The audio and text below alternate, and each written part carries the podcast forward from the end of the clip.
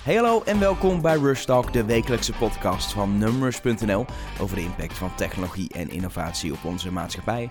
Mijn naam is eh, Elge van der Wel, zoals eigenlijk iedere week. Ehm, en eh, vorige week ben ik in Rush Talk begonnen met een, een, kleine serie over de staat van podcasting in Nederland. Ik praat erover met verschillende mensen uit de radio- en podcastwereld. En vorige week begon ik die serie met een gesprek met Michiel Veenstra. Michiel is 3FM DJ en ook vervent hobbypodcaster. Deze week opnieuw een radiomaker uh, met wie ik sprak. Botte Jellema, hij is freelance radiomaker, vooral voor de publieke omroep. Allerlei omroepen waarvoor die, uh, voor die werkt is dan te horen op bijvoorbeeld Radio 1 of Radio 4. Ik wil graag het geluid opnemen van een McLaren om te gebruiken in deze reportage. Dat is niet de bedoeling, zo legt directeur Arjen van Beek mij uit. Want de auto's die hier staan zijn koud. Nee, dat geluid moet ik even van internet halen. Dan hoor je de warme auto's. Dus bij deze.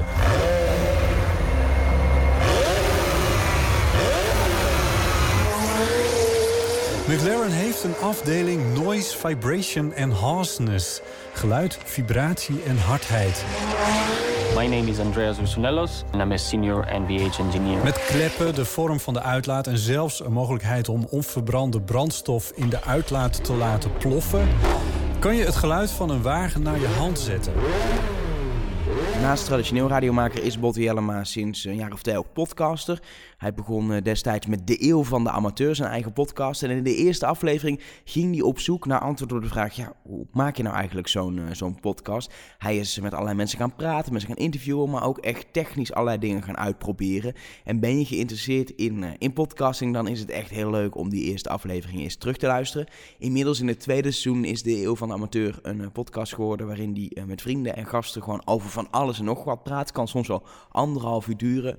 vaste gasten in de show zijn Ipe Driessen, dat is een fotostripmaker. En Paulien Cornelissen, uh, kennen we als taalkenner, ook van televisie, uh, maar heeft ook de eigen, eigen podcast. En door die wisselende bezetting in de Eeuw van de Amateur is elke aflevering eigenlijk uniek. Het is buitengewoon bewerkelijk om uh, dat soort geëditede shit te maken.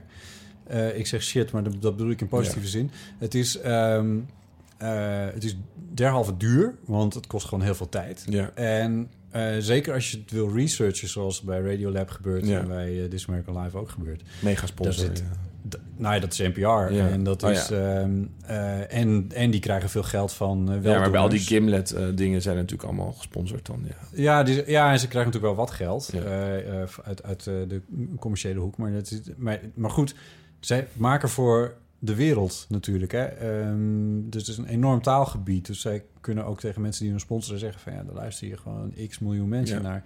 En um, dan kan je een redactie in de lucht houden. En dat heeft Ira Glass en dat heeft uh, Radio Lab. toch is het grappig dat... Botte mag zich ook echt podcast producer noemen. Hij produceert namelijk uh, de podcast over media van Alexander Klupping en Ernst-Jan Fout. En dan hebben we nog um, brandweer Koen. En die vond uh, de enige vraag die hij interessant vond tijdens de podcast met Dirk Sauer, die, waarvan hij vermoedt dat het een hoogtepunt is in onze oeuvre, uh, was de vraag die Botten stelde. Verder vond hij het een. Uh, Ik heb er ook wel gestudeerd. ja. Verder vond hij het een discussieavond. Wat ironisch is, want het was een ontbijt. Als je Botte Jellema nog niet kende, dan ken je hem nu hopelijk een beetje. Heb in ieder geval een beetje beeld van wie hij is. Ik sprak dus met hem over de staat van podcasting in Nederland. En ik vroeg hem als eerste, ja, heel simpel. Hoe staan we er eigenlijk voor? De staat van podcast in Nederland. Een soort, uh, een soort feutusstaat is het. Een feutusstaat? Ja, vind je niet? Het is... Ik moet altijd een beetje... De, oh, er wordt echt al jaren over podcasting geschreven... en er wordt al jaren in Nederland ook aan podcasting gedaan. Bijvoorbeeld de publieke omroepprogramma's. Uh, dat is volgens mij al tien of twaalf jaar dat die met podcasting bezig zijn. Um, en dan kijk je naar landen als Amerika en landen als Zweden notabene. Ik bedoel, weet je, de Amerika, groot taalgebied, dus daar kan je dan weer iets bij voorstellen. Maar Zweden, dat is een kleine taalgebied. In Nederland spreken minder, minder mensen Zweeds dan dat er mensen zijn die Nederlands verstaan. Um, en in Zweden is, is de penetratie, zoals dat zo mooi wordt genoemd, van podcasting is zoveel dieper. Er luisteren zoveel meer percentagegewijs Zweden naar podcast dan er in Nederland aan de hand is. Dat in Nederland, het lukt tot op heden niet zo goed om, om uit die feutusstatus te komen. Om überhaupt een soort van geboorte mee te maken. Wat we nodig hebben is een... Volgens mij was dat bij jou en jou van jouw podcast ook uh, al genoemd. Maar eh, een, een soort hit hebben we nodig. Een Ja. Nederlandse podcast-hit. Ik weet niet wie dat zou moeten zijn. Wat mij betreft zijn er een paar daarvoor eh, geschikt. En ik noem altijd eh, met heel veel liefde de man met de microfoon. Die vind ik echt onwijs goed, goed gemonteerd. Maar er zijn ook heel veel mooie VPRO-podcasts die ervoor, zich ervoor zouden lenen om een hit te worden in Nederland. Maar het gebeurt tot op heden gewoon niet. En ik weet niet waarom. Is het, is het, niet, is het niet juist het probleem dat er heel veel inderdaad eh, kwaliteit... We kijken natuurlijk heel erg naar, naar, naar Serial, naar een S-Town, naar dat soort dingen. Ja. Dat heel veel van dat soort ehm eh, kwaliteitspodcasts in Nederland... dat dat een beetje VPRO-werk is... wat toch altijd gezien wordt als een niche en toch een stempel heeft. Ehm, ik snap je punt. En eh, ik denk dat je gelijk hebt dat dat het succes van de podcast in de weg zou kunnen staan. Ook omdat ja, de Nederlandse publieke omroep die heeft de laatste jaren best wel op zijn flikken gehad. Niet alleen financieel, maar ook qua imago. Er wordt gewoon, vroeger was eh, het journaal was een meneer. En dat, ja, daar wordt nu heel anders tegenaan gekeken. Eh, en dat geldt voor, voor de omroepen ook. Er, er wordt natuurlijk heel anders over omroepen gesproken dan een aantal jaren geleden het geval was. En in dat opzicht kan je je afvragen of de traditionele omroepen de juiste afzender zouden kunnen zijn voor zo'n hitpodcast in Nederland. Ja. Ja, en we hebben het dan meteen weer over publieke omroep. Jij, jij bent wat dat betreft van, van oudsher ook echt een, een publieke omroep radiomaker. eh voor, voor heel veel omroepen dingen Mm. gemaakt. Is er voor een aantal omroepen. Ehm, eh, Mijn carrière is er, is er opgestoeld en begonnen. Ehm, ik ben niet in dienst bij een omroep. Nee, je bent Wel freelancer, freelancer op dit moment. Ehm, maar je bent ook eh, echt druk, ik denk sowieso het laatste jaar, misschien iets langer, aan het, echt aan het experimenteren met podcasting. Hoe, hoe is dat eh, twee begonnen? jaar inmiddels. Ehm, dat is begonnen met... ehm, ja, het, het is grappig, want dan noem ik weer de man met de microfoon. Eh, Chris Baayema en ik zijn ongeveer tegelijkertijd begonnen met de podcast. Dus, eh, Niet dat die van ons op elkaar lijken, maar wel met dezelfde motivatie. Ook hij is een VPRO-radiomaker, ook freelancer. En eh, hij zegt heel vaak, en daar herken ik me in, van... Ja, ik, ik kan gewoon in Hilversum niet maken wat ik het allerliefst maak. En ehm, dat is met deels een verwijt aan Hilversum. Eh, dat, bedoel, dat zegt evenveel over mij en Chris als dat over Hilversum zegt. Maar ehm, dat is een belangrijke motivatie geweest. Van, goh, ik zit met, met zoveel ideeën, zoveel verhalen en zoveel dingen waar volgens mij ontzettend leuk is om naar te luisteren. En, en die echt informatief is en die wat nu niet is te vinden in het aanbod eh, vanuit Hilversum of vanaf het Prins Bernhardplein, noem het allemaal maar op, BNR. Ehm, dus dan maak ik het zelf maar. Ook omdat het technisch gezien eh, natuurlijk relatief eenvoudig is om dat te doen. Dus toen ben ik gewoon begonnen. En ik ben echt super simpel begonnen met een heel klein handmicrofoontje in een cafeetje gaan zitten met een vriend. En hebben we een eerste podcast opgenomen. Ja, die is inmiddels meer dan, was, ik geloof het meer dan 1500 keer is beluisterd onderhand. Terwijl, ja, dat had ik echt niet. Ik denk, hier luisteren 40 mensen naar. Maar was er, zat er niks van een dieper idee achter? Want je zegt, ik wilde iets maken wat, wat ik niet kon. Het was een in, ra- in- pure motivatie van... Ik, ik wil met eh Ipe, was dat Ipe Driessen, nog steeds mijn podcastmaatje. Eh, ik wil met hem gaan zitten, omdat het altijd... wat de gesprekken die ik met hem in cafés voer... het is altijd leuk en interessant. Tenminste, ja, dat, dat vind je altijd als je met vrienden gaat zitten. Maar ja, het, het blijkt dat meer mensen het leuk vinden, want we doen het nog steeds. En er luisteren heel veel mensen, of ja, ik vind dat er relatief veel mensen naar, we kunnen altijd meer, maar relatief veel mensen luisteren naar. Dus het begon, om op je vraag terug te komen, echt met een intrinsieke motivatie van, ik wil dit gewoon doen, het kan me niet schelen eh, hoe, dat, hoe dat dan ontvangen wordt, hoeveel mensen hier naar luisteren. Ik wil het gewoon maken en ik wil het gewoon proberen.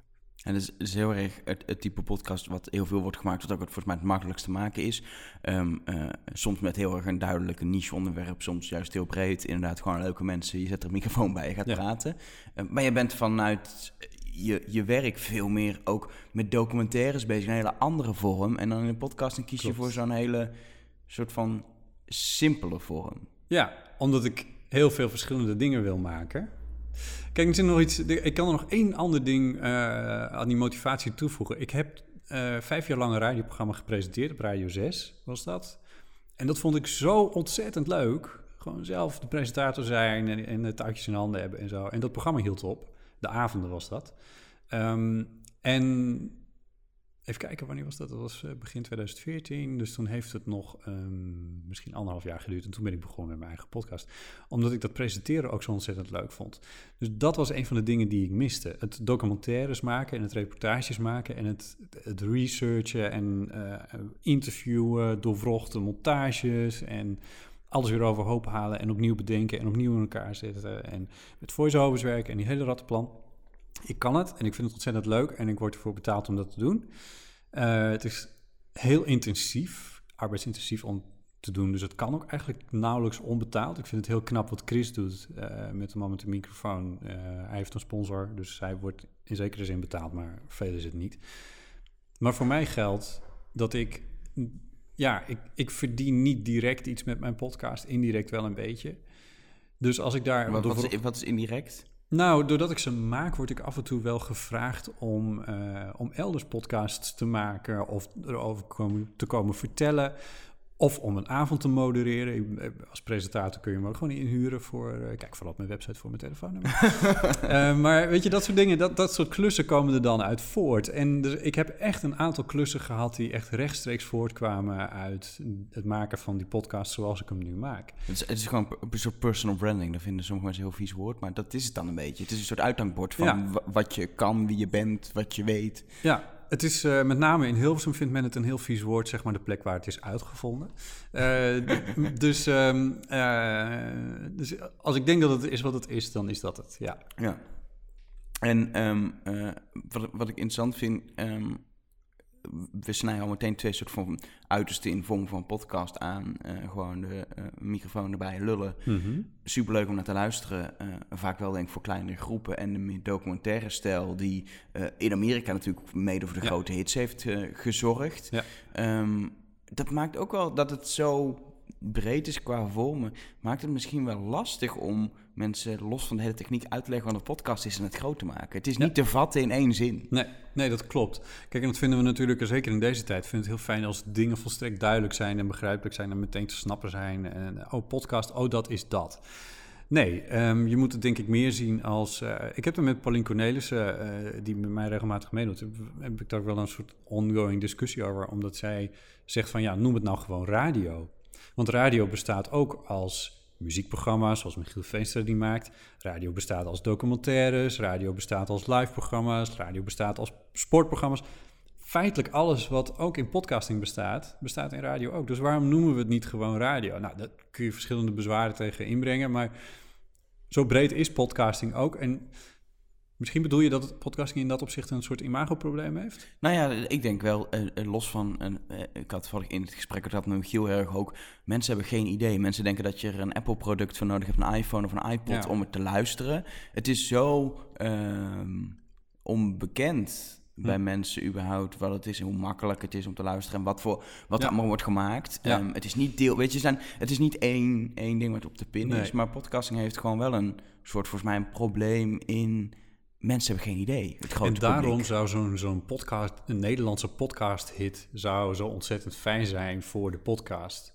Dat zou.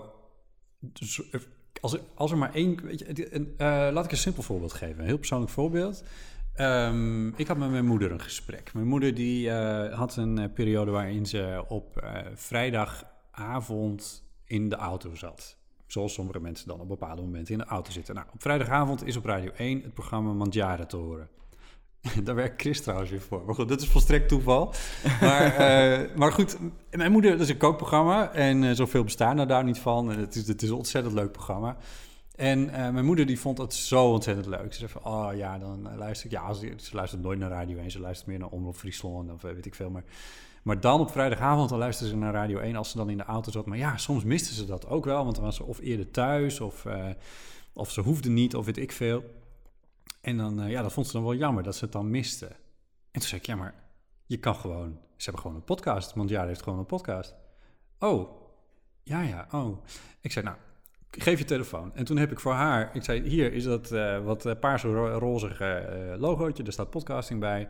Ehm, en eh, ik heb hem er nu ingezet. En luister daar maar eens naar.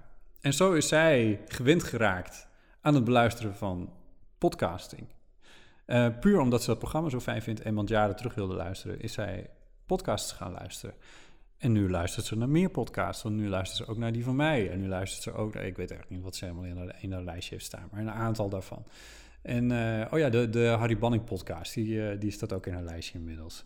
Nou ja, goed. Die, die had ook wel even een heel korte soort, soort hype volgens mij. Die Harry Banning podcast die Ja. is echt tot volgens mij de wereldtijd te horen. Ik, ik kijk dat zelf niet, maar ik hoorde inderdaad dat het daar besproken is. Ik weet niet hoe diepgaand dat over podcasting verder is gegaan. Maar in ieder geval Nee, dat het er was, Ja. is besproken. Het, het had even iets van, oh, Misschien wordt dit mis- Ja, Of ja. in ieder geval helpt het ehm, om meer mensen eh, kennis te laten maken met het fenomeen. Het was het juiste onderwerp. Ehm, er zaten bekende Nederlanders in. Ik bedoel het juiste onderwerp in die zin dat het een... Die liedjes van, van Harry Banning, die spreken heel veel mensen aan. Ook zeker een oudere groep. En een oudere groep is in Nederland gewoon een hele grote groep. Laat, daar hoef je niet ingewikkeld over te doen. Ehm, de hipsters die luisteren wel naar podcasts. Eh, Die, die, die hoef, daar hoef je geen energie meer in te steken. Maar als je die oudere groep weet te bereiken, dan kun je het, kun je het veel groter maken. En dan wordt het financieel ook wat interessanter allemaal. Ehm, dus eh de liedjes van Harry Banning, eh, gemaakt eh, met heel veel bekende Nederlanders die daarin zaten, die namelijk gewerkt hadden met Harry Banning of met, met, met muzikale materiaal van hem. Ehm, en inderdaad, media-aandacht. Dat zijn de drie dingen die volgens mij, ja, nu, klinkt als, als, alsof dit het, het recept is, want het is natuurlijk helemaal niet waar, want ik heb er geen verstand van, ik ben een maker. Maar ik denk dat dat wel drie dingen zijn die op zichzelf het in zich hebben. Ik wil niet in verleden tijd spreken, want het kan nog steeds volgens mij. Dat dat, dat, dat dit de grote podcast-hit van Nederland wordt. Ik heb zo inhoudelijk heb ik ze nog niet beluisterd, dus daar kan ik niet over oordelen. Maar, maar die, die drie dingen die zijn in principe al heel erg fijn en heel erg goed. Je zie- je ziet in Amerika natuurlijk dat de hits zijn allemaal hebben spanning in zich. Ja. Dat heeft het niet. Nee, je weet een beetje hoe het met Harry Banning afloopt. Er hoeft, er hoeft geen moord te worden opgelost. Nee, er hoeft geen moord te worden opgelost. Maar ik denk persoonlijk ook wel eens, want dit is een storytelling eh, dingetje waar je het nu over hebt, eh, dat dat niet alles is. Ehm, die, want ik, ik denk dat je niet. Ah, ik, hoe zeg ik dit? Eh, Serial en S-Town, dat zijn de twee waar je nu aan refereert. Ehm, Die, die worden vaak als, als een soort van de, de als het grote ultieme succes- voorbeeld. En ik denk dat dat een vergissing is. Het zijn, namelijk, het zijn namelijk fantastische podcasts. Ze zijn heel goed gemaakt en er is ontzettend goed over nagedacht. En ze klinken goed. Tenminste, ik vind S-Town kut klinken, maar dat is persoonlijk. Ehm, maar ehm, ja, allemaal telefoongesprekken, dat moet je bij mij niet meer aankomen. Dat vind ik echt Zeker niet met mensen met zo'n accent. Nee, is, Ik, ik, afle- ik had daar de eerste aflevering moeite mee om het te volgen. bleef wel Eh, mooi. Maar goed, dat, maar dat, is, dat is iets heel iets anders. Daar, daar, eh, ik, ga, ik ben geen podcastrecensent. Die zou trouwens ook moeten komen. Dat zou ook heel fijn zijn. Ehm, Ik, maak een, ik maak een lijstje ondertussen. nee, ja, eh, dat... ehm, eh, eh, of... Weet je, die, die hits... Die, Nee, waar, ja, waar, spanning, was- er dat- zit, ja. zit een spanningsboog in en zit iets Ja, maar kijk, mysterieus in. Dat is, dat is zo. Alleen, zoals je uit de bioscoop ook weet, is dat niet het enige storytelling dingetje wat je in kan zetten om een goed verhaal te vertellen. Ik geef voortdurend hetzelfde voorbeeld. Is een boek van Willem Melchior. Eh, en dat heet De Onhuwbare. Het is al heel lange tijd geleden dat ik het heb gelezen trouwens. Maar ik, ik vond het toen een ontzettend goed boek. En een van de dingen die mij toen ik het las opviel... was dat Melchior begon elk hoofdstuk met een één alinea uit te leggen wat er in dit hoofdstuk ging gebeuren, inclusief de afloop. Dus of iemand doodging of niet, dat stond gewoon in het eerste alinea stond dat erin. En dan denk je, ja, dan heb je het weggegeven, is de spanning weg. Maar dat effect had het niet. Het effect wat het had was, nu ga ik als een idioot dit hoofdstuk lezen, want hoe, hoe in godsnaam komen we tot deze, deze uitkomst vanaf waar we nu waren? Dus het, het had bij mij alleen maar een soort enorme intrigerende, intrigerend effect. Dat is ook spanning. Ehm, zit dat in Harry Banning? Nee, maar daar zitten weer andere dingen in. Daar, zit, daar zitten weer verhalen in. Ik, ik, God, wie wordt er in de eerste aflevering ook weer geïnterviewd? Nou, die zit meteen te huilen. Werkt perfect. Ik, Ja. Als radiomaker weet ik dat... Als je op de redactie terugkwam, dan waren er twee dingen. Of iemand had gezongen, of iemand had gehuild. Nou, dat waren de twee dingen waardoor je een goede reportage had. Nee, dat is, dat is heel flauw, dat is heel cliché. Maar als je die twee, een van die twee dingen had, dat knipte je er sowieso niet uit. Nee, dat, d- daar begon je mee bij. Ja, ja, Ja. ja. dat is gewoon je goede... Ja, dat zijn de uitdrukkingen van menselijke emoties die, ja, die gewoon heel erg mooi zijn. Schaterlach ook trouwens hoor, net zo goed. Het is niet alleen maar ellende. Maar, Ja. eh, ja. En, en eh, eh, podcasting is natuurlijk aan de ene kant een soort van, het staat heel dicht bij radio, maar het is ook een heel nieuw medium waar ook mensen met slag gaan die eigenlijk helemaal nooit radio hebben gemaakt, wat volgens mij alleen maar leuk is. Mhm. Ehm, maar ik denk wel zeker, ook voor het publiek heeft het wel te maken met wat we gewend zijn om te luisteren. En ik heb geen idee, jij noemt Zweden als voorbeeld, of het een land is waar, waar al veel naar, naar talkradio, naar nieuwsradio, naar, naar, naar spraak werd geluisterd. Dat is natuurlijk in Amerika een ding. Daar zijn ze veel meer gewend om naar pratende stemmen te luisteren. Mensen Ja. hebben het dan daarover, dat heeft te maken met een commute, maar dat geloof ik niet zo. Want in Nederland zijn we ook heel veel onderweg Mhm. met de trein, met de auto naar werk. Alleen daar luisteren naar, naar, naar Edwin Evers, zeg maar. Dat is eh, een grap. En dan gewoon moet vooral weer muziek gedraaid worden, Ja. want dat willen mensen horen. Wij, Radio wij hebben 1 geen... Natuurlijk, Radio 1 is ook vrij groot hoor, in de, in de spits. Ja. Ja, maar eh, re- relatief gezien, ja. in vergelijking met een Amerika, luisteren wij veel minder naar gesproken woord. Terwijl podcasting is bijna allemaal gesproken woord. Je snijdt een interessant onderwerp aan, maar het zijn er ook meteen een stuk of drie. Eh, om te beginnen, Zweden, weet ik niks van. Zou super interessant zijn om een Zwedoloog te interviewen hierover. Van, god, hoe kan dat? Hoe werkt dit in, eh, in Zweden? Wat zijn ze daar gewend inderdaad qua talkradio of zo? Tweede is, eh, wat me te binnen schiet, is hoe ziet het landschap, radiolandschap in Nederland, hoe ziet en zag dat eruit? Ehm, eh, ik vind het relatief beperkt. En persoonlijk vind ik dat in de afgelopen tien jaar, met name zender als Radio 1, eh, onwijs veranderd is. En veel meer dan voorheen geformateerd is, als je begrijpt wat ik daarmee bedoel. Ehm, rubriekjes, eh, dingen moeten op volstrekt horizontaal zijn. Nee, om tien over één hebben we altijd dit. En het maakt eigenlijk niet uit of je dat dan lekker in kan vullen, maar dan zit dat erin. Eh, veel grapjes op zenden, daar kan ik persoonlijk ook niet zo heel goed tegen. Maar goed, dat is, dat, dat weer persoonlijk. Maar, maar vooral het geformateerde ehm, zorgt ervoor dat... dat dit, dit is waar veel kritiek op Radio 1 ook eigenlijk wel op neerkomt. Als je het gewoon op de keper beschouwt, vinden mensen dat er rubriekjes gevuld worden. En jij hebt ook op een redactie op Radio 1 gezeten, volgens mij. Nou, niet op Radio 1, maar wel eh, bij de Bij NOS, de NOS, eh, die veel op. Radio 1 uitzendt. Eh, ik heb ook op redacties op Radio 1 gezeten. En het is ook niet een geheim. Er zijn veel rubriekjes. Ja. En die rubriekjes moeten gevuld worden. En die, bestaan, die rubriekjes bestaan vaak ook met de reden van... ja, het is relatief goedkoop om dat te maken. Omdat je ver vooruit kan werken. Je niet afhankelijk bent van de creativiteit van iemand. Omdat je niet afhankelijk bent van, of tenminste minder... Eh, omdat je niet afhankelijk bent van wat er op eh, de AP-telex eh, terecht is gekomen. Eh, dus die rubriekjes zijn buitengewoon handig. En saai. En Ja. dat is het fijne aan podcasting, want dat schiet alle kanten op, zeg maar. Zoals je... eh, toen ik begon bij Radio 1, toen had je eh, nog een programma met de obscure samenwerking tussen de EO en de VPRO in de ochtend. Daar zat volgens mij in de ochtend een reportage van een half uur lang uit het buitenland in. Dat is nu ondenkbaar op Radio 1. Dat, is, dat gebeurt echt niet meer. In de avonduren misschien nog een beetje iets wat in de buurt komt, maar verder niet. Ehm, dat soort dingen zijn gewoon verdwenen. Als je nu naar podcasting gaat luisteren, ja, men maakt waar men zin in heeft. En als dat een verhaal uit het buitenland is, dan is het een verhaal uit het buitenland.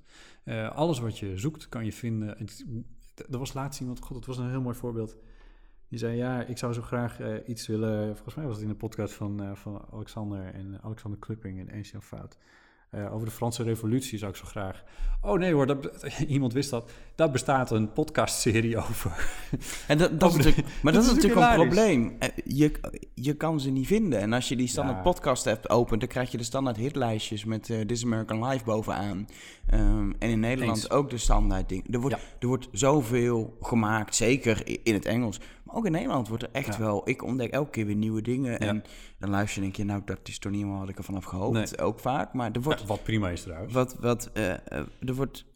Weet je, Michiel Veenstra, die ik eh, heb gesproken voor deze, die heeft een podcast. Er zijn eerste podcast was met vrienden over Disney. Ja. Over, en dan niet eens over Disney-films, maar over specifiek de pretparken. Er zijn Ja. acht pretparken, daar kun je Ja. iedere week een uur over lullen, blijkt. Ja, En weet je, dat is voor mij niet interessant en voor jou waarschijnlijk ook niet, tenzij jij blijkt groot Mickey Mouse-fan te zijn nu. Maar, toevallig niet. nee, precies. Maar eh, er is een doelgroep voor wie dat is. Er is over, dat is over, toch fantastisch?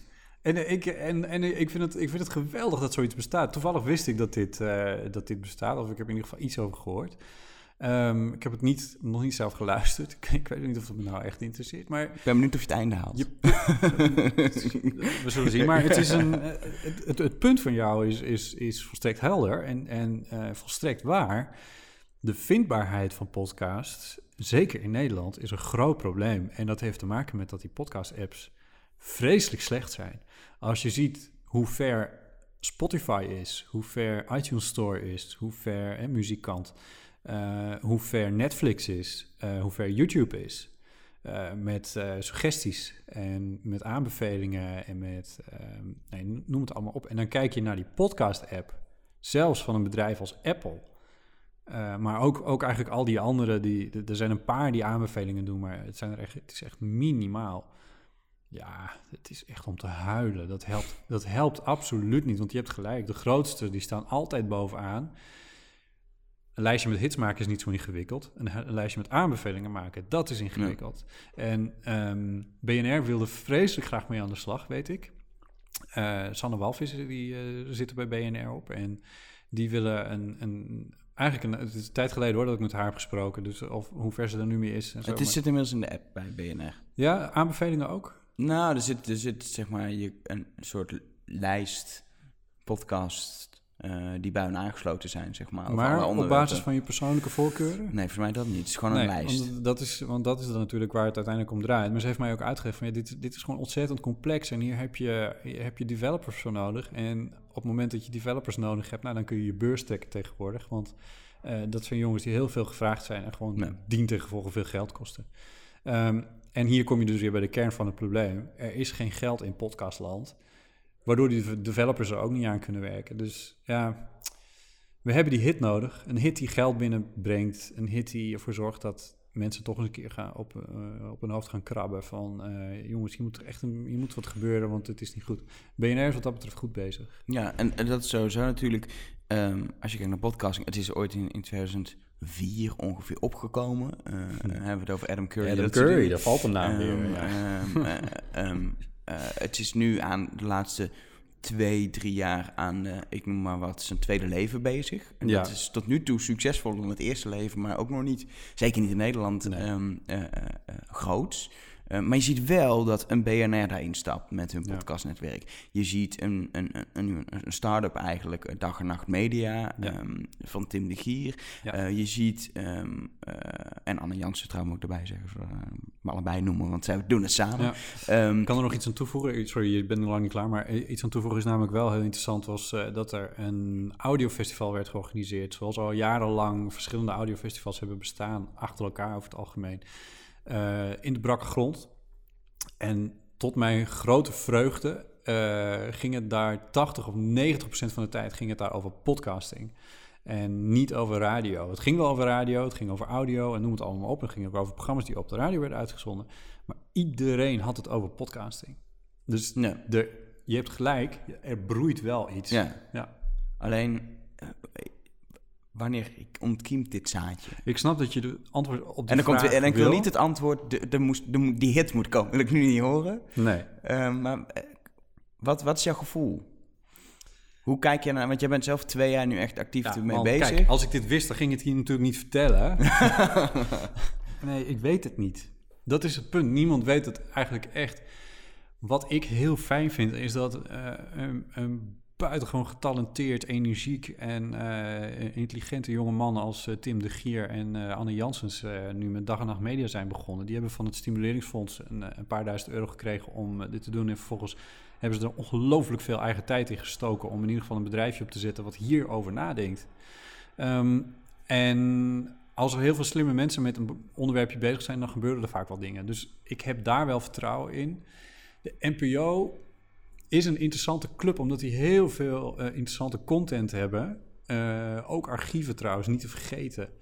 Ehm, gesneefd is het programma Woord met een eh, heel mooie website. Ik geloof dat het op de achtergrond nog een beetje reutelt, maar het is zo zonde, want dat ontsloot het archief in een podcastvorm en noem het allemaal op. En dat, daar is de stekker ook half uitgetrokken. Is zonde, zonde, zonde. NPO is ook heel, eh, hoe zeg je dat, beschermend voor hun eigen content. Ja. En dat helpt absoluut niet. Dat is een beetje hetzelfde wat je ziet met, eh, met Uitzending Gemist. Een totaal falende website. Sorry voor iedereen die daar heel hard aan werkt. Waarom? Omdat eh, je kijkt in een echt een, een kwaliteit waar die mijn telefoon uit 2004 kon, zelf kon maken, kijk je naar programma's. Als je meer wil zien dan een journaal. Oh, ik vind nog steeds het ultieme voorbeeld. VPRO maakte een prachtige serie een paar jaar geleden over eh, een foto met een fotograaf. Ruben nog wat, vergeten. eh, die in China foto's maakte. En nou, echt. Dus waar gaat het over? Dat gaat over beeld en noem het allemaal op. Het zag er allemaal prachtig uit. En ik wilde dat terugkijken. En dan kijk je naar, wat, wat, wat is het? 340 beeldlijnen of zo. Echt, het, het- mijn, tele, mijn televisie kan niet eens aan, zal ik maar zeggen. Het was echt verschrikkelijk. En, en ze ontsluiten het gewoon niet. En nu moet je een abonnement nemen en zo. En, en dan kan je geloof ik wel in HD-kwaliteit. Maar ja, YouTube is, ligt wat dat betreft zo ver voor. Netflix ligt enorm voor. Eh, waarom zeg ik dit? Oh ja, ze zijn heel, eh, aan, heel erg... Dit heeft allemaal te maken met de afspraken die ze met, eh, met kabelaars hebben gemaakt... over hoe je content van de NPO tot je kan nemen. Nou, dat zijn, dat zijn dingen die stammen uit 1992. Het is inmiddels 2017. Ik noem maar een willekeurig jaartal hoor, maar het is inmiddels 2017. Zo kijken mensen niet meer. En, en ik vraag me dus af of publieke omroep wel echt in staat is om zo'n soort doorbraak te genereren in, eh in podcastgebied. Dat vraag ik me heel erg af. Maar, maar wie dan? Heb jij zoiets van, als nou, weet ik veel, bedrijf X erin start, of als er echt, hè, wij, of misschien hebben we, moeten we een, een, een- een grote investering hebben, dat er zo, dat dag en nacht media een soort gimlet zou worden, Ja. met, met veel geld, dat ze dingen kunnen doen. Ja. Wat zijn er dingen mogelijk? Wat... Want je bent natuurlijk ook gewoon ma- maker, dat zeg je zelf ook, en je, je maakt gewoon je podcastje. Ja, en, eh, Eigenlijk overvraag je me. Want, eh, nee, serieus. Want ik, eh, ik ben, eh, ik ben eh, eigenlijk gewoon eh, journalist en radiomaker. En heel, ik, ik, ik, ik weet hier wel wat vanaf. Maar ik ben geen marketeer. Nee. En eigenlijk stel je een marketingvraag. Is dat niet een probleem? Dat juist heel veel van de makers nu zijn, eh, nou ja, het is je vak, maar zeker podcast is eigenlijk meer een hobby. Ja. Eh, het zijn hobbyisten die Ja. eh, inderdaad niet nadenken over hoe ga ik commercieel dit maken. nee. Ehm, eh, daar zijn ze bijvoorbeeld bij BNN nu mee, wel mee bezig. Ja. Maar het zijn heel veel mensen die echt uit liefde voor dat medium gewoon doen wat ze denken dat goed is en wat ze graag willen maken. Ja. Ehm, dat is leuk om eh, wat bepaalde mensen te bereiken. Nou, kijk, als je nou, als je nou heel cynisch zou zijn, of misschien realistisch, of misschien, ik weet niet. Stel, ik ga mezelf even bashen. Ik zou Ja. mezelf even heel kritisch interviewen. Dit knip ik los dan als een soort promootje. Dat ja, precies. Dat dacht ik al, ja. Die Botte Jellema, die is bij de publieke omroep begonnen ergens halverwege het vorige decennium. En dacht dat hij daar wel een fijne, comfortabele plek zou vinden om eh, lekker zijn eigen dingetjes te doen, zoals dat jarenlang bij de publieke omroep het geval was. Eh, het enige wat hij hoefde te doen was eh, creatieve ideetjes bedenken en op een goede manier reportages maken, op een correcte manier journalistiek bedrijven. En dat was het dan eigenlijk wel. Hoe vervolgens zoiets aan de man wordt gebracht, dat zou hem aan zijn spreekwoordelijke aars oxideren, reetroesten. En ehm, nu zijn er nieuwe tijden. Publieke omroep die krijgt, maar, krijgt veel minder geld. Het comfort van de heer Jellema is verdwenen. En nu moet hij wel degelijk zijn eigen shit gaan zitten verkopen. Dat is wat ik nu hier bij jou aan het doen ben. nee, maar ik ben het, ik, dat opzicht zou je kunnen zeggen, je hebt gelijk. Ik ben daar niet zo goed in. En de creatieven om mij heen ook niet. Misschien omdat we jarenlang eh, in een relatief comfortabel bedje van de publieke omroep hebben kunnen opereren. Dat zou heel goed kunnen. Ehm, ik ben vorig jaar, nou, dat is twee jaar geleden, maar goed, toen was er een bijeenkomst die hier ook een beetje over ging van hoe kunnen we podcasting nou groter maken. En daar zaten veel eh oud-omroepmedewerkers bij. Die meteen naar eh, de baas van NPO Radio wilden stappen. Van ja, en wij, jullie moeten dat doen en zo. En ze hadden een punt. Alleen, ik weet niet of dat gaat gebeuren. Ze hadden een punt omdat NPO best een organisatie zou kunnen zijn die deze doorbraak zou kunnen forceren. Juist omdat zij wel in staat zijn om een paar developers hier op te zetten. Eh, ja, dat betalen we gewoon met z'n allen betalen we daar een, een beetje voor. Uh, en dan is het geld geconcentreerd en dan komt het gewoon op een plek terecht waar, Ja. uh, waar je wat mee kan. Ja, alleen ik, ja, het is zo bezuinigd bij de publieke omroep. En ik voel geen echte diepe interesse bij de publieke omroep in podcasting, om heel eerlijk te zijn. VPRO doet zijn best, maar heeft ook geen geld. En die omroep die is ook gedecimeerd onderhand. Um, en um, ja, Is, is geld niet gewoon het probleem? Dat daarom ook die hit, is die hit niet, niet wordt gemaakt? Dat, Ja, deels. Deels. Ehm, maar zo, dat, is, dat is niet per se... In Nederland is dat zeker een probleem. Maar in Amerika is natuurlijk ook geld nog steeds... Er zijn een en paar toch, weet je, partijen... ik geloof, je, je hebt, je hebt gelijk, het is, dat, dat is wel zo. Maar eh, ik kijk ook wel eens met plezier naar de Wikipedia-pagina's van films, van grote producties uit Hollywood. En dan, want Amerikanen schamen zich op geen enkele manier voor het benoemen van welk bedrag dan ook. Dus die vertellen gewoon tot, eh, tot op ongeveer 1000 euro precies wat een film heeft gekost en wat eh, de box office heeft opgeleverd, wat hij heeft opgebracht. En dan denk je, nou, dan zit je een wiki te lezen van een, van een relatief kleine film of een niet al te grote film. En dan zie je toch dat hij meer heeft opgebracht eh, dan hij heeft gekost. En dan denk ik, het kan dus wel. Het kan wel. Je kan met puur creativiteit, met ehm, ja, dat... Ik bedoel, zoals ik het nu bij, doe... Bij, bij een film verkoop je wel bioscoopkaartjes en daarna misschien nou, dvd's. Misschien niet meer zo, Ja. misschien een iTunes download. En natuurlijk, je verkoopt volgens hopelijk je filmlicentie nog een keer aan Netflix of een Ja. andere dienst. Ja. Weet je, daar zijn heel duidelijk eh, toch nog steeds bestaande verdienmodellen voor. Ja. Eh. Nu snij je een nieuw onderwerp aan. Nee, dat is niet waar. Ik snee het aan. Maar dat klopt. Er is, er, is in, er is natuurlijk gewoon geen fatsoenlijk verdienmodel Nee. voor een podcast. En zeker niet in Nederland. Eh, en dat is ook een probleempje. Ja.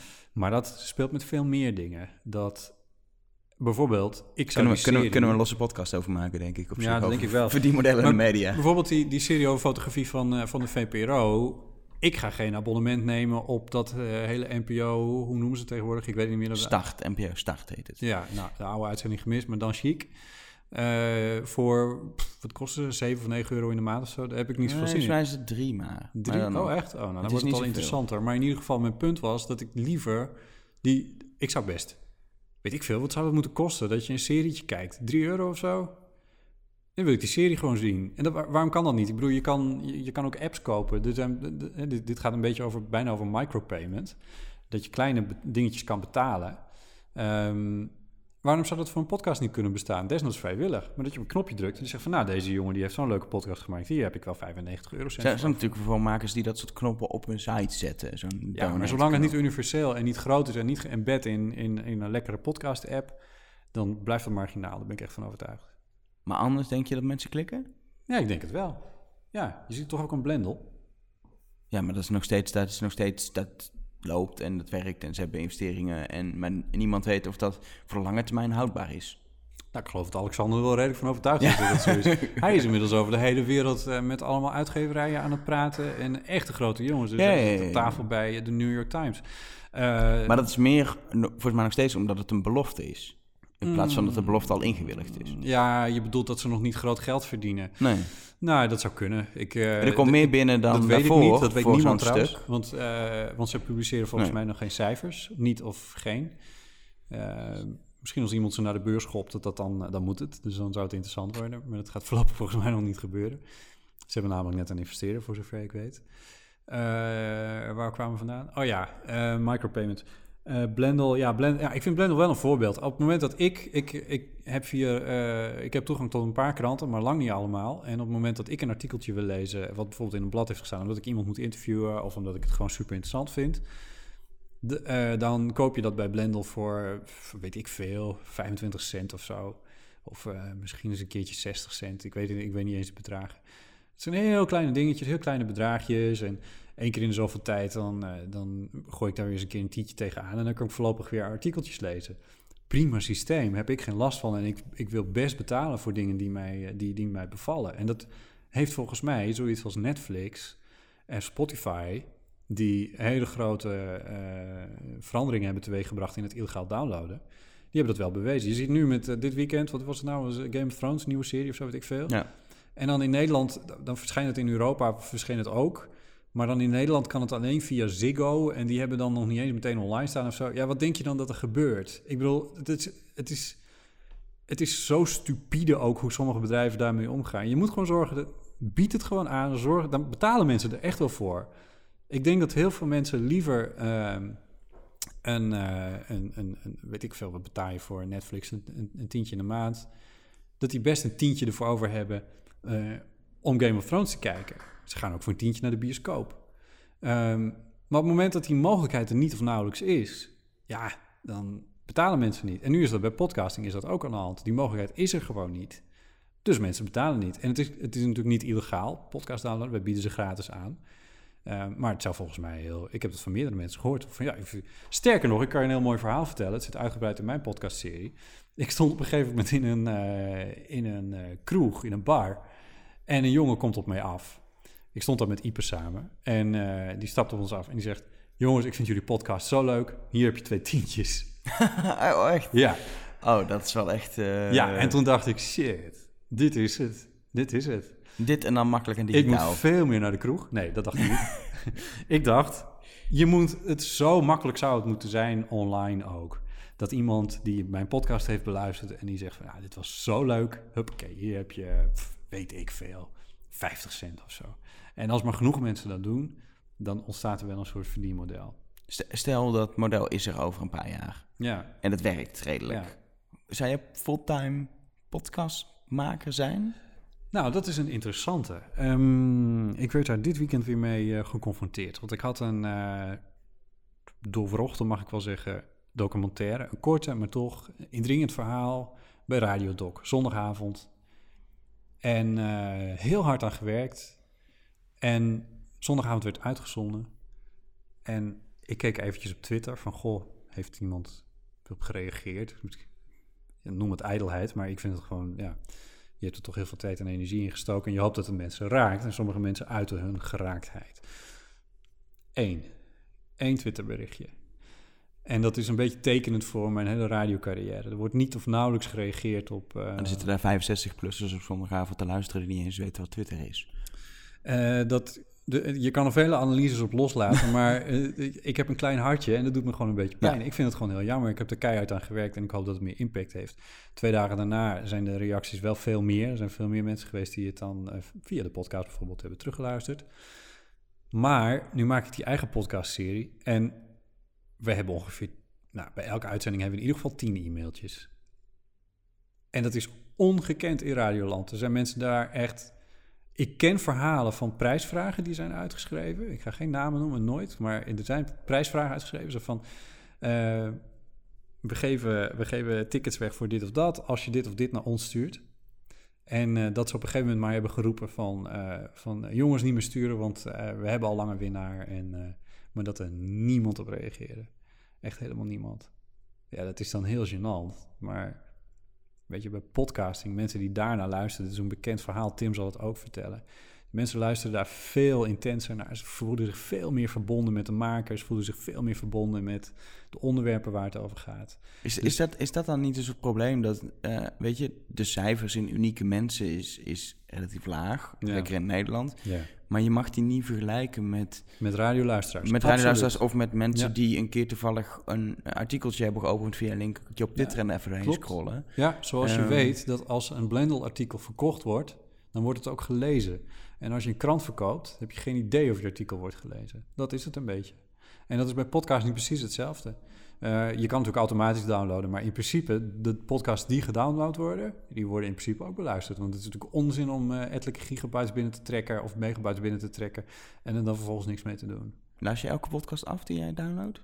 Ja, dat geloof ik toch eigenlijk ja? wel, ja. Ja, ja, ja. Ik, er staat weinig op automatisch bij mij. Uh, en die ik download, die luister ik ook. Niet allemaal, maar, maar wel groot. In ieder geval meer dan... Je, je snapt mijn vergelijking. Ja, ja, ja. Blendelkrant en, uh, en uh, podcast versus radio. En om terug te komen op die vraag die je eerder stelde... Um, zou ik fulltime podcaster willen worden? Nou, om deze reden wel. Omdat ik het gevoel heb dat ik mensen veel meer en beter... Ik, het, het is veel gerichter.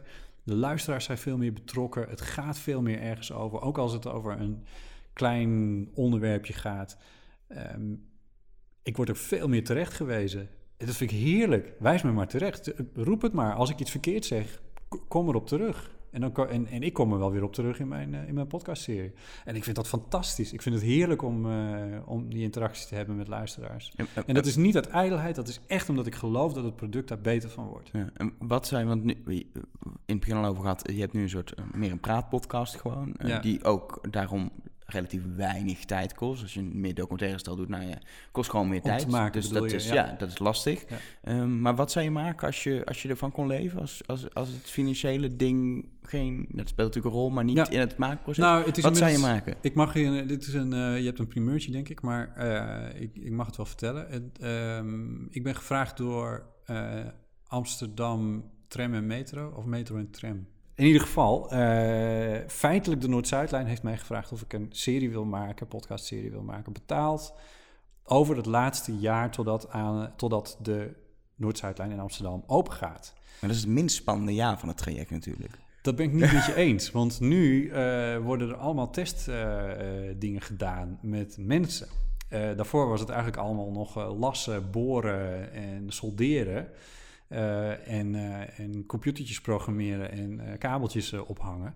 Maar nu worden er onderhand ook groepen mensen die tunnel in gejaagd... om te kijken wat er gebeurt als je, als je echt daadwerkelijk levend vlees in die, die zet. En dat vind ik super interessant. Het, en, en ook omdat nu langzamerhand duidelijk wordt wat voor invloed die Noord-Zuidlijn eigenlijk gaat hebben op de hele infrastructuur in, en, en het openbaar vervoer in onze hoofdstad. Ja, ik vind het razend interessant. Ehm, plus dat ik toegang krijg tot mensen en plekken waar je anders echt nooit zou komen. Dat, vind ik, dat, ik bedoel, dat is dan mijn journalistieke kick weer. Dat vind ik natuurlijk altijd ontzettend leuk. Ehm, dit is een dan- heel klein voorbeeldje. Om, Maar dat wordt een serie? Of, of? dat wordt een serie eh, van, eh, nou in ieder geval een jaar totdat ze open gaan. Dus dat is juli vorig, volgend jaar. eh IJs en wederdienende natuurlijk. Ehm, maar ehm, dit is een beetje het antwoord op je vraag. Dit vind ik onwijs leuk om te maken, want dit is wel veel meer gemonteerd. En eh, praten met mensen, interviewen, montages, voice-overtjes, vormgeven, muziek, geluid, noem het allemaal maar op. Vind ik ontzettend leuk. Ja. Maar ik vind, ik, eh, eh, zonder als je niks over wil zeggen of mag zeggen, moet je het vooral zeggen. Maar ik vind het heel interessant dat er dus een, een organisatie is die voor hun eigenlijk soort marketing, wat is het? Het is natuurlijk ook een beetje gewoon eh, een positief verhaal naar buiten brengen over iets wat vooral negatieve Ja. aandacht heeft gehad. Maar dat ze Ja. kiezen voor podcasting. Dat, is, dat is misschien wel meer een trigger dat er echt iets aan de hand is. Dat eindelijk bedrijven zeggen, we betalen wel voor podcasting. Ja, om er dat zit een, eh, branded te maken. Ja, er zit een onwijs leuk vent eh, bij eh, dat bedrijf.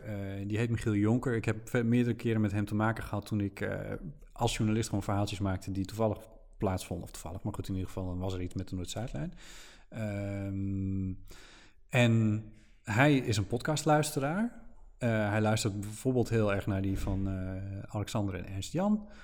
Kent mijn naam ook van die podcast, want die produceer ik. Ehm, en toen ik weer een verhaaltje bij hem maakte, zei hij: God, moet eens luisteren. Het lijkt ons echt ontzettend leuk om zus en zus en zo. En toen zei ik, en hier corrigeer ik je dus een klein beetje op wat je net zei. eh, toen zei ik van: Ik ben geen reclamemaker. Dat is niet mijn forte. Eh, wil ik niet, vind ik ook niet leuk. Maar ik ben wel een hele geïnteresseerde en nieuwsgierige journalist. eh, die mooie verhalen wil optekenen. En hij zei, nee, maar dat hoeft ook niet. Jij hoeft ook geen reclame te maken, want daar hebben we onze mensen wel voor. Daar hebben we wel kanalen voor. Nee, we willen juist jou als persoon in die Noord-Zuidlijn, dat, dat Noord-Zuidlijn traject van het laatste jaar, daar willen we jou in horen. Ik ben met je eens. Ik vond dat ontzettend leuk. En daarom zeg ik ook van, je hebt een beetje een primeur. Want de- dit is, dit- dit is verder nog niet, dat komt allemaal nog naar buiten. Maar ik denk dat Michiel me wel vergeeft. Ehm, de, eh, dat zo'n bedrijf hierover aan het nadenken is, ja, ik bedoel, dat, dan is er budget. Weet je wel? Ik, zeg niet dat zij mij, eh, dat ze mij eh, echt heel veel geld geven, dat valt allemaal wel een beetje mee, maar kan het er wel voor doen. Ja, maar dat het bedrijf is het wel zien als middel in hun... Inderdaad niet... Je bent geen reclamemaker, daar gaat het ook niet om. Je, je maakt Nee. content die hun, die hun verhaal vertelt Hun verhaal indirect. vertelt, ja. of, of, Ja. of hun merk laat, hoe je het allemaal wil noemen in marketingtermen. Daar gaat het volgens mij om. Dat zie je ook in branded content meer gebeuren. Dat, Mhm. dat, nou ja, BuzzFeed is het voorbeeld van dat er gewoon een leuk lijst staat... en er staat dan Domino's Pizza bij, omdat ze denken dat dat het merk laat. Ja. Ehm, dat, is geen, dat is niet een heel reclame, het is gewoon een artikel met een, met een merk Ja, bij. Dit is een podcast om een merk heen. Ja. Ehm, eh, dat is super interessant als bedrijven daarin gaan stappen. Dan is het budget om, tuurlijk, het is maar afhankelijk van de opdrachtgever wat ze willen, maar om mooie dingen te maken, om verhalen Ja. te maken. Ja. En eh, ik eh, kijk uit naar de discussies over ehm, de integriteit van, eh, van journalisten als ze hier instappen. Maar zolang bijvoorbeeld een publieke omroep geen zak geld neerzet voor het maken van podcasts of voor het maken van überhaupt content voor, voor mij en mijn collega's, zie ik persoonlijk niet in waarom we dit niet kunnen doen. En het tweede, en dat is minstens zo belangrijk, is dat het voor mij volstrekt helder is dat de afzender, de afzender wordt gewoon genoemd. Er is dus geen, geen, geen enkel, dus volstrekte transparantie Het is over geen sluikreclame of... eh, nou, nee. Nee, Nee, want het is volstrekt helder wie de afzender is. Dus daar hoef je, daar hoef je ook niet ingewikkeld over te doen.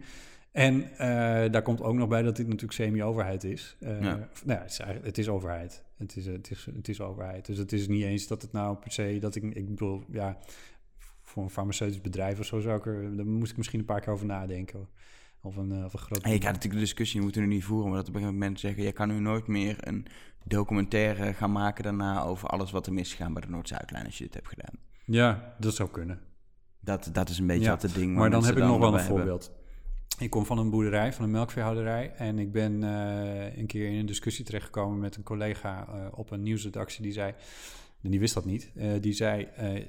weet je, wij moeten een keer verhaal gaan maken over melk. Want er is heel veel mis met, met melk en eh, dit en dat. En eh, dat moet een keer goed op een rijtje gezet worden. En eh, ik zei, nou, ik ben het niet met je eens en, dat dat zo is. En ik zal je vertellen waarom. Ik weet er vrij veel van.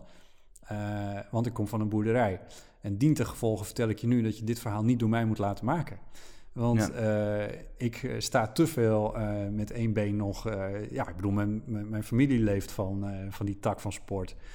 Eh, dus ik zei, je, als je dit wil maken, prima, maar moet je even mijn collega vragen, een collega-verslaggever. Want het is, eh, dit is niet het verhaal wat ik eh, goed kan optekenen.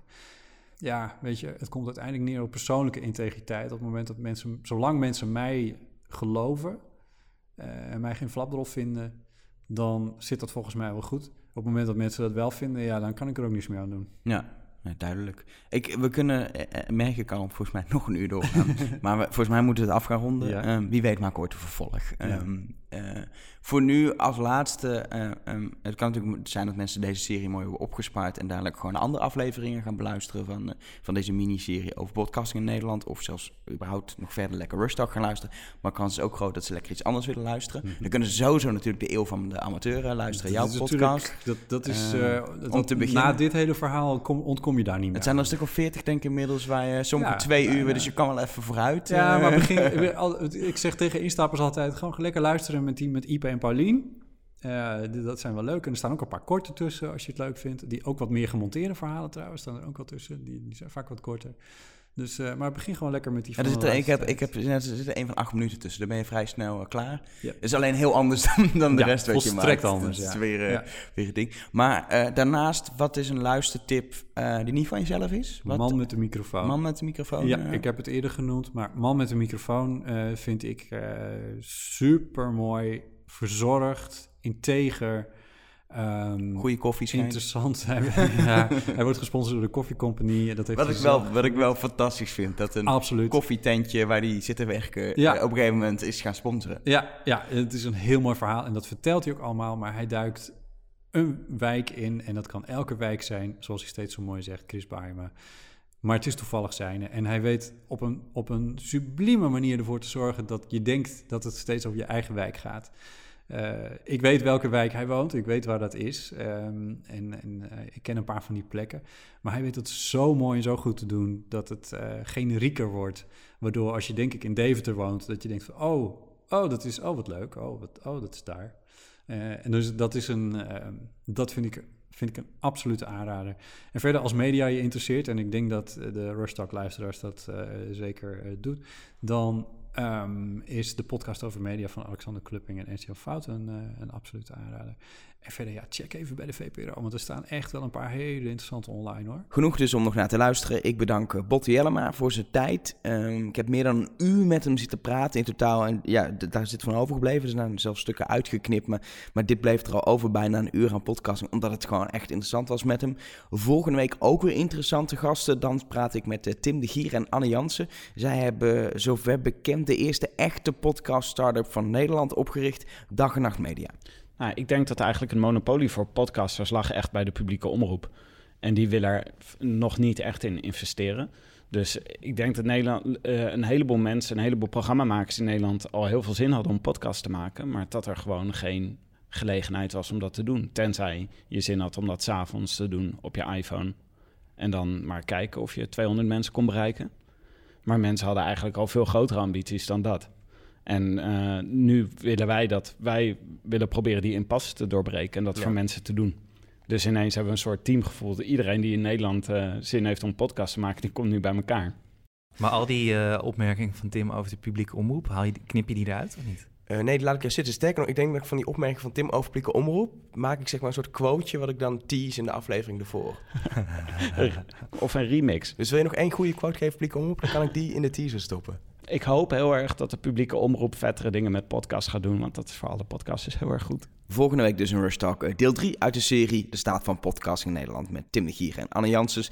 En heb je deel 1 nog niet gehoord met Michiel Veenstra, luister die vooral terug. Want ja, als je alle afleveringen uit deze miniserie beluistert, krijg je echt een mooi beeld van, eh, van de staat van podcasting in Nederland, denk ik. Voor nu bedank ik je voor het luisteren. Heb je wat te melden, dan kun je twitteren naar uh, Elger, dat ben ik, of @numrush. Je kan altijd een bericht sturen via Facebook, facebook.com slash numrush. Laat vooral even een review achter op iTunes als je Apple gebruiker bent. Eh, help je mij en mijn collega's heel erg mee. Eh, en ook eh, mensen die eventueel de podcast willen ontdekken, kunnen dankzij die rating de podcast tegen gaan komen. En tot slot eh, wil ik je gewoon bedanken en zeggen tot volgende week.